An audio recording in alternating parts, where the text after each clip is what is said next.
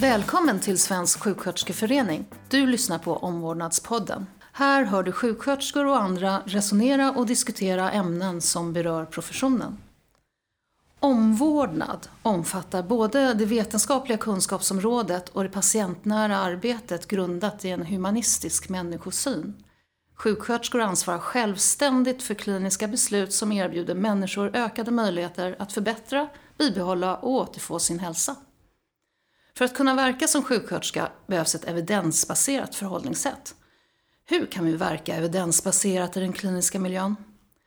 Jag heter Johanna Ulvarsson och arbetar för Svensk sjuksköterskeförening. Jag har idag bjudit in Ami Hommel, sjuksköterska och professor vid Malmö universitet och knuten till verksamhetsområde ortopedi vid Skånes universitetssjukhus.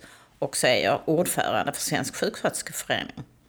och Oili Dahl heter jag. Jag är legitimerad sjuksköterska, speciellt sjuksköterska inom intensivvård och jag har disputerat. Jag arbetar på Karolinska universitetssjukhus som utbildningschef för omvårdnad och är vice ordförande i Svensk sjuksköterskeförening. välkomna. Tack. Tack. Jag tänkte börja med dig Oili. Eh, vad är evidens? Ja, evidens, eh, själva ordet betyder bevis eller belagt kunskap. Alltså ett kunskap som ofta har tagits fram genom vetenskapliga välgjorda undersökningar. Men denna kunskap kan inte agera ensam utan i omvårdnaden av patienten så behöver vi dels ta del av den här vetenskapliga välgjorda kunskapen men också erfarenhetsbaserad kunskap som vi bär med oss som sjuksköterskor. Men inte minst också den enskilda patientens behov, kunskap, upplevelse och erfarenhet för att omvårdnaden ska bli god. Så evidens är inte samma som tradition och rutin. För då kan man vilja behålla arbetssätt alldeles oavsett att man vet vilken effekt de har, utan evidensbaserad omvårdnad arbetar efter en strävan att arbeta efter den bästa tillgängliga kunskap som faktiskt förnyas hela tiden. Och Ami, jag tänkte, hur, hur kan jag identifiera om någonting bygger på evidens när jag arbetar eh, med patienter? Vi sjuksköterskor är ju i vår profession autonoma och det innebär ju att vi har ett ansvar att vi ska hålla oss uppdaterade om forskning inom vårt yrkesområde men också om de lagar och förordningar som reglerar vårt arbete. Och när vi handleder studenter så är vi alltid noga med att ställa frågor, inte bara hur, utan vad och varför. Vi läser i vårdhandboken, vi tittar på eh, nationella riktlinjer. Och det är ju sånt som vi behöver göra även när vi inte har studenter på avdelningen. Jag tänker också att ett sätt är ju att man läser Svensk sjuksköterskeförenings utmärkta tidning Omvårdnadsmagasinet. Där kan man på ett populärvetenskapligt sätt få information om den forskning som bedrivs runt om i landet.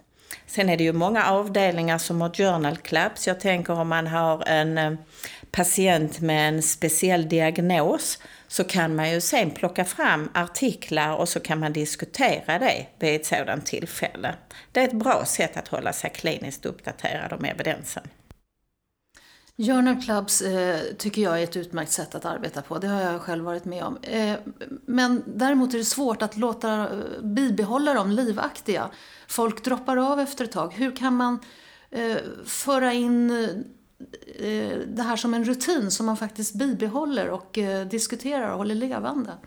Jag tycker det är jätteviktigt att man som chef på en avdelning driver de här sakerna för att vi pratar ofta om utvecklande ledare eller som det i många böcker står transformerande ledare. De har en stor skyldighet att bedriva omvårdnad, som jag ser det i alla fall. Och ett sätt är då att man ser till så att det finns tid att vara på de här, att det ingår i den dagliga verksamheten, att man faktiskt har tid avsatt att hålla sig uppdaterad. Som en slags inbyggd eh, fortbildning. Absolut. Eh, Oily, jag tänkte fråga dig, har du något exempel på när det verkligen lönar sig att man hade en gedigen faktabaserad kunskap kring ett ja, fenomen? Ja, det finns ju många exempel. Jag tänkte också, får man reflektera det vi precis pratat om, det här med hur man håller levande innan vi kommer till det här du. Eh, jag tror att det är jätteviktigt att, att sådana journal clubs eller sådana tillställningar och sådana möten är väldigt motiverande. Alltså det ska vara någon väldigt relevant omvårdnadsfråga som ställs där och som, som många känner igen och som många vill förbättra. Jag tänker att just det vårat förmåga, vår vilja att ar arbeta och förbättra och, och, implementera ny kunskap handlar mycket om att vi själva tror på den och att vi tycker att det är relevant och att det kan tillföra patienten någonting. Um, Ja, jag tänker på att om vi går tillbaka historiskt så Florence Nightingale har ju alla sjuksköterskor läst och hört talas om. Och hon var ju den första sjuksköterskan som visade på vikten av gedigen kunskap. Hon eh, kunde ju med sina välkända rosendiagram visa att soldater som dog i Krimkriget dog av komplikationer. Men när hon kom in med sina omvårdnadsåtgärder, såg till så att patienterna fick frisk luft, nutrition, god hygien, så minskade ju faktiskt andelen soldater som dog på militärsjukhuset i Skoryti från 42 till 2 procent. Och det är väl det allra första eh, exemplet på vi, hur vi kan visa på det här med kunskapen. Men jag brukar också berätta för studenter när jag föreläser om trycksår att när jag på slutet av 70-talet började jobba som, eh, inom vården så var det väldigt vanligt att patienter på ortopedklinikerna hade trycksår. Upp till 60 procent av alla de som hade höftfrakturer hade faktiskt ett trycksår. Och då gick man runt på eftermiddagen och hade en smörjrunda. Alla trycksår skulle läggas om vi tvättade och sen så tog vi syrgasslangen från väggen, stoppade i en plastmugg, klistrade över såret och lät syrgas flöda. Och då tyckte man ju att det var klokt och viktigt, men det visar ju på det här med vikten av att vi håller oss uppdaterade. För idag är vi ju alla väl medvetna om vikten av syrgas, men just för sårläkning, men den behöver ju komma inifrån. Den behöver, vi behöver ha en grimma med syrgas så att syret kommer ut i blodet. Så kunskap är viktigt. Och just när det gäller trycksår så uppmärksammas ju vikten av att man eh, eh, kan minska andelen patienter med trycksår och de komplikationerna som där eh, kan komma med att man har en internationell trycksårsdag. Den firar man varje år världen över någon gång i november månad. Mm. Oily. Ja, du frågade efter exempel och du också inledde att omvårdnaden har en teoretisk och praktisk kunskap. Och en, en sån exempel som jag tänker att många sjuksköterskor eh, träffar på, i alla fall på slutenvården, är hantering av centrala venkatetrar till exempel som patienten får behandling genom. Och det är ofta förekommande i slutenvård och, eh, och det kanske mera en perifera venkateter då i, i, i annan typ av vård. Men, men det är viktigt att kunna veta vad det är, var i kroppen sitter det rent anatomiskt, men också hur vi ska handhava eh, dessa infarter på ett patientsäkert sätt för att undvika risken för infektionsrelaterade komplikationer som är väldigt vanliga och farliga för patienten. Här finns det ju evidens hur man ska hantera det för att minska riskerna. Och finns alltså nationella evidensbaserade riktlinjer, då är det viktigt att vi följer dem. Alltså hur ska man ge läkemedel, vilka typ av läkemedel kan man ge, provtagning och vad ska vi vara vaksamma på för patienten för eventuella komplikationer. Men också att informera patienten rätt om den behandlingen. Eh, och vad patienten själv kan göra för att minimera risken för infektioner. Och kan man röra sig med den och så vidare. Så att här finns det ju tydliga riktlinjer. Och här har man också sett studier, tillförlitliga studier som visar att om vi som sjuksköterskor hanterar det här rätt så kan vi faktiskt minska risken för allvarliga tillstånd som sepsis för patienterna. Och det samma kanske gäller, samma typ av resonemang gäller ju de perifera venkateter också som är väldigt vanligt att, vi, att, att i, i omvårdnaden att vi hanterar. Och där har det ju kommit ny kunskap. Det som det som gällde fem år sedan gäller faktiskt inte idag. Det är ju jättebra att reflektera över det och titta på det senaste. Hur ofta ska, vi, hur, hur ofta ska det bytas? Det kanske inte alls ska bytas längre så ofta som man gjorde det förr. Nej, och där har vi väl ett exempel också när sjuksköterskor bedriver forskning själva på sina egna områden och kommer fram till sådana här slutsatser som underlättar livet betydligt för patienterna, de som vi värnar om. Eh, för just den typen av forskning är ju eh, driven av sjuksköterskor medan den tidigare evidensen var driven av andra eh, professioner. Så det är viktigt, tänker jag, Ami, att, att vi forskar själva på våra egna områden. Absolut, och jag tänker just när det gäller de perifera venkatetrarna och så. Det handlar ju inte bara om hur man sätter in en perifer venkateter utan det vi kan se idag är ju att man har ett annat material. Så därför är det ju viktigt att vi faktiskt följer vad är det som händer och att man inte bara blir kritisk till att att, eh, att man ändrar rutinerna och reflekterar över varför ändrar man rutinerna? Jo, för att man har ny kunskap, man har, man har kanske ett nytt material. Mm. Och man handhar det på ett annorlunda sätt. Och patienterna går ju hem i väldigt hög grad med Absolut. sina eh, olika invasiva katetrar. Mm. Eh, och då är det ju jätteviktigt som du säger Oily, att patienten är med eh, och lika informerad som vi nästan höll jag på att säga, men, men definitivt så att den kan hantera eh, komplikationer.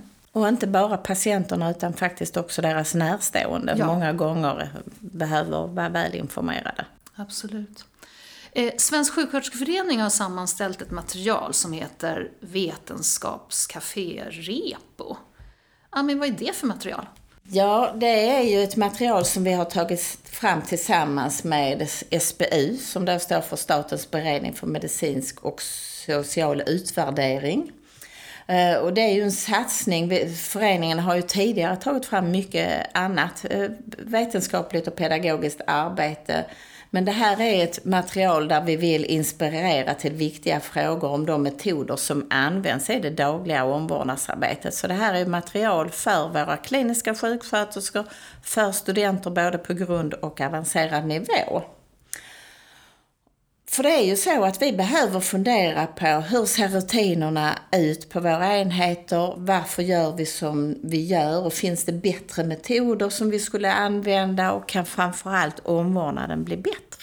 Så skulle det här kunna vara någon slags eh, reflekterande journal club då? Har jag förstått det rätt eller vad säger du Aili? Ja, man skulle kunna absolut säga så också, att, att, att, det kan, att Journal Club, Club kan vara en del av det här. Det här bygger ju på sex olika delar och det är väldigt välstrukturerat. För reflektion är jätteviktigt, men också granskning av metoder och att eh, att, eh, att man bygger ett, ett frågeställning runt någonting som man behöver ta, titta på. Vad är, den till, vad är den bästa tillgängliga evidensen? Och då utmanar man sina egna rutiner och metoder. Och man också hämtar ny kunskap på systematiskt sätt.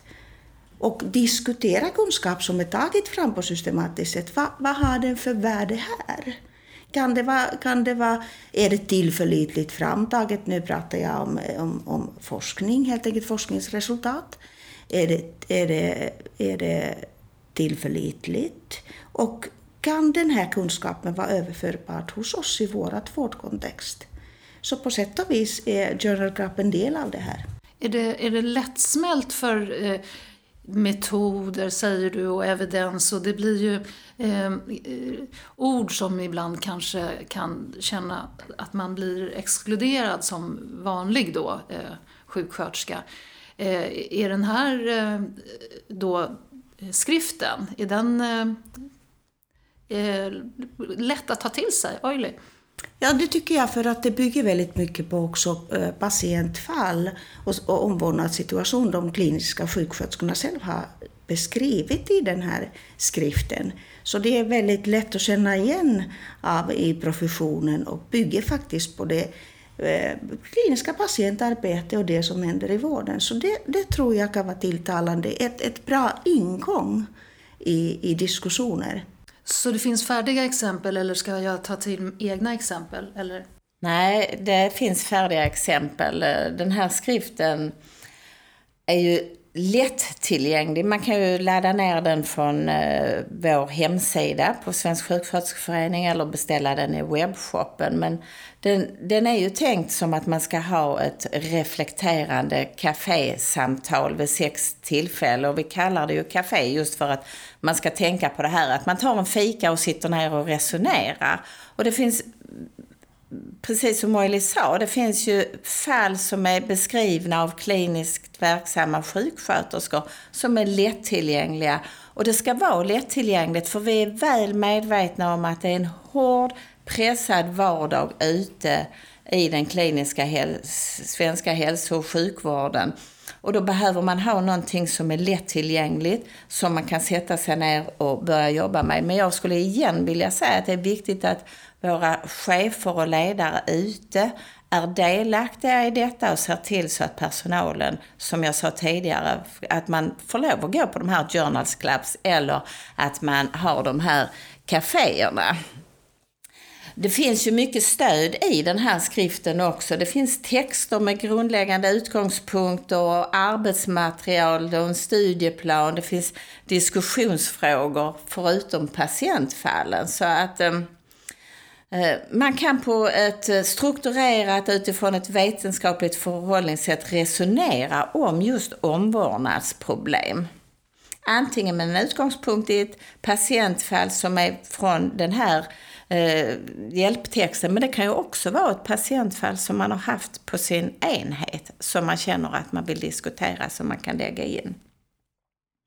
Och det finns ju också fördjupningslitteratur i det här materialet. så att eh, jag vill verkligen rekommendera mina kollegor att läsa. Oili?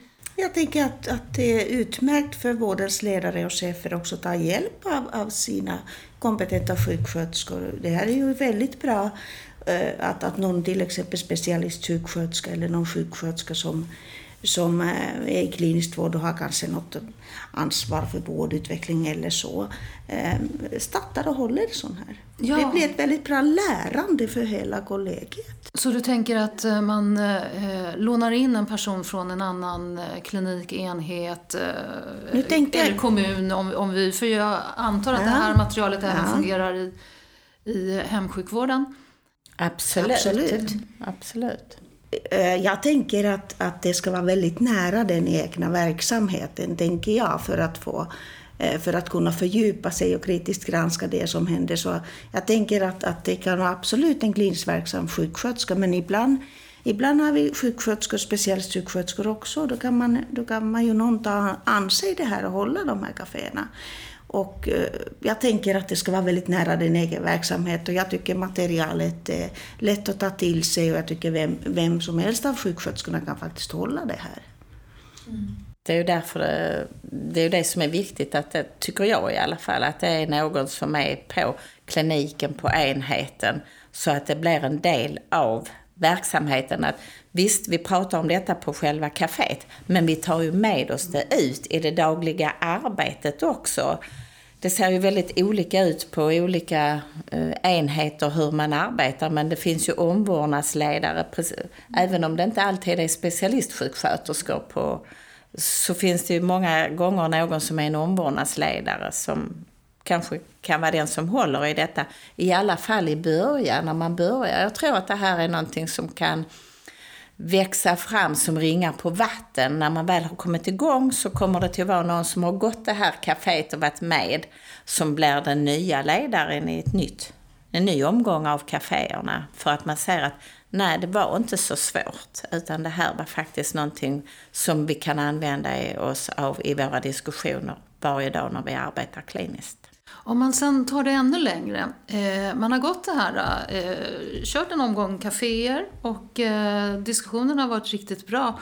Och sen så upptäcker jag att jag, eh, jag vill mer. Jag ser saker som inte stämmer på min enhet. Jag ser att eh, man nog skulle kunna skruva lite grann på hur, den omvårdnaden som man ger och eh, hur, eh, hur ska jag gå tillväga då? Hur ska jag tänka om jag vill eh, en, göra en förändring? Oili? Ja, det är naturligtvis bra också att ge den feedbacken till, till chefer och ledare i den enheten för att försöka få, för att försöka få till eh, förutsättningar för det här. Men sen gäller det ju eh, om man har en, en, en en konkret fråga, fundering, är det här den bästa metoden för den här patientgruppen eller, eller för det här omvårdnadsåtgärd, så gäller det faktiskt att börja titta på litteratur. Att söka. Och det finns också exempel på boken hur man kan formulera sin fråga. Så att den sökningen sen i, i framtiden i olika datapasset blir mer specifik och riktat. Och tycker man att det är svårt att söka så ju, kan man alltid gå till sjukhusbibliotek eller eh, ett annat bibliotek och få hjälp faktiskt med sökningar. Framförallt på sjukhusen så är ju bibliotekarierna väldigt vänliga och hjälpsamma. Man kommer och ställer en fråga. I alla fall är det min uppfattning från när jag har handlat studenter att de alltid är nöjda när de kommer tillbaka och har varit och träffat en bibliotekarie. Att de har fått en väldigt bra eh, hjälp och stöd när de söker sin eh, litteratur. Om det sen är en litteraturgranskning de gör eller om de ska göra en empirisk studie och de vill ha ett, en bra grund i eh, bakgrund. Så, så att jag skulle vilja rekommendera att man går och pratar med bibliotekarien. Mm. Eh, när man vill mäta någons upplevelse, hur, eh, hur ska man göra det? det eh, man hör så mycket om folk som Ja, eh, väldigt mycket forskning som publiceras, i alla fall i Sverige, handlar om upplevelse av och så vidare och så vidare. Det är väl numera få tillstånd där man inte har kontrollerat upplevelsen av. Eh, eh, och det är ju jätteviktigt förstås, men ibland så känns det som att de kanske... Vad är det man mäter? Och hur mäter man upplevelse, Ami? Man får ju ofta den här frågan, går verkligen allting att mäta? Och man säger att vi måste mäta för att veta. Och så är det ju naturligtvis. Så vi kan mäta allting med en pinstatistik. Det ger ju inte så mycket konkret eh, att gå vidare. Men just som du säger, det här med eh, upplevelser. Är patienterna nöjda eller inte? Vi vet att det som flest patienter klagar på är just bemötande. Mm. Och det är ju viktigt, och om man tittar i då den här skriften som vi har så finns det flera exempel på olika mätmetoder. Och det finns ett avsnitt som handlar just om det här med mätmetoder som ni lyssnare kan fördjupa er i. Och framförallt så tycker jag att det är viktigt att man reflekterar över hur vi mäter och varför vi mäter. Men framförallt vi, kan, vi ska inte bara mäta utan att sätta in åtgärder och sedan följa upp och reflektera. Eh, vi pratar väldigt mycket om PROM och PREM. PROM står ju för Patients Related Outcome Measure och PREM står då för Patients Related Experience Measure. Och det finns många olika instrument som man kan använda sig av. Och det har varit väldigt mycket prom, men prem är just det här, vad är deras erfarenhet, vad är deras upplevelser? Så med outcome så tänker du eh, död eller frisk och med experience och upplevelsen av? det, det, det är ganska hårt att säga död eller frisk, men vi tittar ju många gånger så Uh, outcome handlar ju om ifall de får komplikationer. Det kan handla om hur de upplever saker och ting också. Men framförallt är det ju premet där vi får upplevelserna. Mm. Som vi fångar det. Eh, när man då eh, mäter en upplevelse eh, och eh, patienten är nöjd eller, eller missnöjd. Eh, hur ska jag tänka då evidensbaserat som sjuksköterska? Eh, det blir ju lätt att man eh, tillmötesgår patienterna och är alltså snäll, fast man är ju inte snäll för att det blir ju inte den bästa vården utan det blir eh, i och med att jag har så mycket mer kunskap än vad den jag vårdar har. Eh, E-, e-, eller ska jag... Hur kan jag hitta evidens för att övertyga patienten att även om patienten inte tycker att det jag föreslår eh, är det bästa Eh, Oily ser lite förvirrad ut. Vi tar ett exempel. Eh, patienten vill ha injektion morfin mot smärtan. Jag eh, vet att patienten kan ta eh, två tabletter Alvedon, att det kommer att räcka och att patienten kan svälja. Vi blir oense. Eh, hur ska jag göra? Jag tror att det handlar om dialog med patienten. Det handlar om att kanske lyssna varför patienten i det här ditt exempel just vill ha morfin. Vad finns det för föreställningar och förväntningarna hos patienten hur det ska hjälpa och varför just det. Och är det någonting patienten varit med tidigare kanske i, i vården som har varit väldigt effektiv och därför patienten tycker att det är är nog det bästa. Då gäller det, det är helt, vår professionella kunskap måste också komma in i det här att vi berättar om att det är inte det första ansvaret här, det är det här och det här har den och den effekten. Och förhoppningsvis kommer vi överens om att prova och utvärdera i alla fall. Och hur kan jag eh, förhålla mig till evidens i, i det resonemanget utan att sätta mig på höga hästar? Nej, men det, det är ju din, din kunskap som sjuksköterska om, om i det här fallet är det en läkemedel som du har kunskap om, hur det, så får du helt enkelt berätta att det här är en läkemedel riktat mot den typen av smärta som du har, som vi har mätt och så här. Och, och på något sätt komma överens om att prova för att faktiskt få patienten utvärdera det själv om det har hjälpt innan man går vidare till nästa diskussion. Mm. Sen tänker jag att, att många av våra patienter läser själva väldigt mycket och har tillgång till väldigt mycket kunskap idag. Det kan också spela in att vi får en annan typ av diskussioner. De kan vara väldigt pålästa också, så det gäller också liksom hålla sig kritisk till den kunskapen man har själv. Och, och samtidigt värdera det att, att hålla sig ajour, att har jag nu det sista eller är det någonting inne patienten säger som jag behöver tänka på? Kan det vara så här och kanske konsultera någon? Det kommer så himla mycket information nu hela tiden om eh, eh och, och, olika eh, behandlingsmetoder. Vi får nya redskap hela tiden. Vi, vi eh, ska hela tiden eh, ja, lära oss nya saker. Och det blir ju nästan ohållbart när man samtidigt, känns det som, ska sköta ett arbete. Att det, den här ihopkopplingen eh, finns inte. Så finns det på något sätt ett förhållningssätt jag kan eh, liksom ha en liten ledstjärna? Finns det någonting som man skulle kunna eh, vakna upp med? Till exempel personcentrerad vård, om jag alltid tänker personcentrerad vård.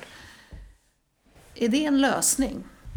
Um jag tänker att vi behöver ta tillvara på patientens egen kunskap. Det är ett sätt att förkovra oss själva också. På ett, på ett, eh, på ett mycket mer aktivt och intresserande sätt. Ehm, och det är ju så att personcentrerad vård är ju ett förhållningssätt som bygger på ett humanistiskt sätt att se på människan och som handlar om relation mellan patient och sjuksköterska i det, i det här fallet. Och det är ju ingenting som kan förverkligas om man inte också faktiskt utmanar vårdens arbetssätt för att få till genomslag för det här förhållningssättet. Ett förhållningssätt där vi, där vi ser personer som behöver vård på grund av ohälsa eller risk för ohälsa eller funktions hinder, att vi inte främst betraktar dessa personer av sitt ohälsotillstånd eller funktionshinder, utan vi fokuserar på resurser, förväntningar, erfarenheter, kunskap, expertis om sin egen situation som patienten har. Och det är ju en del av evidensen också. Det är jätteviktigt att vi tar till oss den kunskapen som komplement för den professionella kunskap vi har. Och det här bygger ju på ömsesidig respekt om varandras kunskap. Eh, och vad patientens berättelse är jätteviktigt och jag tänker att det är ett sätt också att förkovra oss själva i, i vårt professionsutövande. Jag skulle vilja tillägga där att det handlar ju också om ett eh, respekt i det interprofessionella teamet. För att vi alla i teamet lika viktiga oavsett om det är sjuksköterskan, undersköterskan, eh, arbetsterapeut, fysioterapeut eller läkare. För det är oftast de som är närmast patienten. Och patienten är ju det centrala i det här, att vi tar med dem. Så att det är en ömsesidig respekt där alla i teamet är lika viktiga och kan bidra. Mm. Eh, och, och då är det ju viktigt att man hittar omvårdnaden, omvårdnadens kärna i det här. Jag tänker lite grann på eh, eh, när vi dokumenterar då utifrån omvårdnadsdiagnoser så, så är ju de ofta problemfokuserade mm. och man eh, landar i, i, patientens totala upplevelse mindre än, än den medicinska eh, orsaken. Eh, men när man arbetar sen i en väldigt snabb miljö så är det otroligt lätt att man glider in i det medicinska. Ami, hur ska man, hur ska man hantera det? Hur man ska hantera det? Ja, alltså det är ju väldigt viktigt att vi sjuksköterskor har vårt eget språk. Och att man dokumenterar med omvårdnadsdiagnoser, att man följer upp det och att man tittar på det. Och idag jobbar vi ju på olika sätt med att få in det som kallas för ICNP, det internationella sjuksköterskeorganisationens dokumentationsspråk. För då kan man också söka sen för att visa vilka åtgärder vi har gjort som sjuksköterskor. Och det är ju det som är viktigt. Om man tittar i dokumentation idag så är det inte alltid så lätt att hitta vad är det faktiskt vi har gjort. Och vi gör väldigt mycket varje dag. Och andra professioner kan ju använda det här språket också för att det är lika relevant eh, för dem i de här situationerna. Absolut. I, när du arbetar kliniskt, Oily, hur, hur tänker du halkar du också lätt in i det medicinska? Eller, och är det egentligen fel? För att om vi ska arbeta personcentrerat så är ju, är ju allting ju viktigt.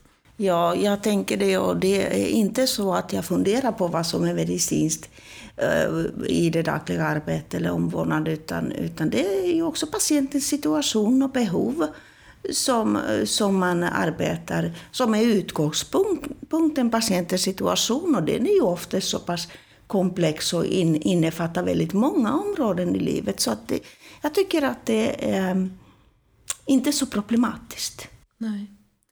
Eh, vi ska snart börja runda av, men jag skulle vilja att vi avslutar med eh, ett par exempel där man har arbetat evidensbaserat och det har eh, blivit bra kanske. I alla fall, det är alltid trevligt med positiva exempel tycker jag. Eh, och det vore jätteroligt om ni kunde lyfta någonting både från slutenvården men från öppenvården eller eh, alltså hemsjukvård. Eh, Oily? Ja, jag kan, jag kan ta slutenvård så, eh, så tänker jag på det här med att, att idag har vi ju en situation i slutenvården eh, väldigt mycket, vi har ju väldigt mycket sjuka människor, sjuka patienter nu för tiden i, i, i den slutenvården. Och, eh, samtidigt som vi upplever att vi har hög arbetsbelastning för sjuksköterskor och eh, då är det väldigt viktigt att arbeta systematiskt. Och det är väldigt viktigt att våra bedömningar som är en del av omvårdnadsprocessen blir så korrekta som möjligt och att vi har ett systematik för det. Och då tycker jag att det, är, det finns ju många hjälp inte hjälpmedel kanske, men så kan man också säga. Alltså sätt att mäta systematiskt, bedöma patientens funktion som andning och cirkulation och medvetande och så, som väldigt snabbt kan ändras. Och då finns det till exempel sådana olika warning score, som News National Early Warning Score, som, som man oavsett hur länge man har arbetat som sjuksköterska kan använda för att, för att göra ett korrekt bedömning av patientens tillstånd och summera det. Det är ganska enkelt att använda. Och det är bra att det finns också åtgärder för det man bedömer, det man hittar. Okej, eh, när ska jag göra det? Vem ska jag, vad ska jag göra nu? Behöver jag kalla något extra här? Behöver jag kontakta en annan profession? Behöver jag kontakta min... Det börjar också så att man kontaktar först en erfaren kollega, en sjuksköterska. Och det här är jätte, jätteviktigt för patienterna för att, för att tecken till försämring måste upptäckas tidigt för att inte patienter blir kritiskt, kritiskt sjuk, till exempel får sepsis. Så man har också sett att använder man sådana strukturerade bedömningar så hittar vi de tidiga tecken eh, och faktiskt kan rädda patienten, patientens liv men också faktiskt eh, minska risken att patienten blir mera sjuk. Mm. Lysande. Ami, Ja, jag tänker på det om du ville att jag skulle ta någonting från hemsjukvården så tänker jag tillbaka till eh, patienter som jag har träffat på ortopedkliniken med svåra trycksår som sedan går hem. Där man eh, har satt det som vi kallar för VAC, den här negativa undertrycksbehandlingen. Vikten av att man då har kontinuitet Eh, i omläggningsfrekvensen, att det är samma person eller personer som tar hand om den här behandlingen när patienterna personerna har gått hem till, sig, till och, och det då är hemsjukvård istället. Det är ju en fantastisk behandling som med negativt undertryck, men det är också en svår behandling som måste utföras korrekt. Och att i det här med att vi då eh, sätter den här behandlingen så, så hjälper det ju till att läka såret. Men där måste vi då också som sjuksköterskor prata väldigt mycket om nutritionens betydelse för att ett sår ska läka. Eh, jag tycker de, eh, det, det är viktiga punkter för oss som sjuksköterskor att vi tänker på en helhet och inte bara på att nu ska vi lägga om det här såret och det ska göras korrekt och att vi ska ha en kontinuerlig och rätt behandling. Men vi måste också koppla in de här andra delarna för patienten som nutritionen som hänger så väl ihop med att vi ska kunna läka ett sår. Ja, precis. Det var ett väldigt bra ett exempel du tog för att eh, de här eh, personerna som går hem med sin vackbehandling, de, det påverkar ju sömnen, de låter, bullrar, är ganska obehagliga. Absolut. Släppa runt på apparaten. Eh, och inte bara för dem själva utan för den an eventuellt anhöriga som ska dela sovrum med dem. Absolut, men jag tänker tillbaka för många år sedan så hade, precis när det här kom, så en av patienterna som eh, jag hade hand om hade ett väldigt illaluktande sår. Och så mm, det var ju inte så många som så gärna ville komma och hälsa på för att det luktade så förfärligt. Men med den här behandlingen så försvinner ju doften. Och jag glömmer aldrig hennes lycka över att faktiskt få åka iväg på eh, permission och gå på en, hennes barnbarn skulle då framträda på en teater och hon var iväg på det här och hade möjligheten Visst, den här burrar, men jag menar, det är ju ingenting med att jämföra den här burret som en verkbehandling och idag är de ju tystare. Men mot hur det var med de här såren som faktiskt luktade ganska förfärligt även om man försökte hjälpa till med olika kolförband och så. Jo, det... Så det är sånt där, när man ser en person som får en sån behandling, ja, då känns det gott i sjuksköterskans hjärta. Mm, det är precis vad vi strävar efter, den här höjningen av livskvalitet. Vad roligt! Eh, och vi har det som slutord så att vi har den här positiva känslan med oss när vi eh, arbetar vidare. Stort tack Ami Hommel och Oine Dahl för att ni ville komma hit idag och dela med er av era kloka tankar. Och eh, vi rekommenderar ju då som sagt den här Repo Vetenskapscafé och länken finns ju på vår hemsida. Tack!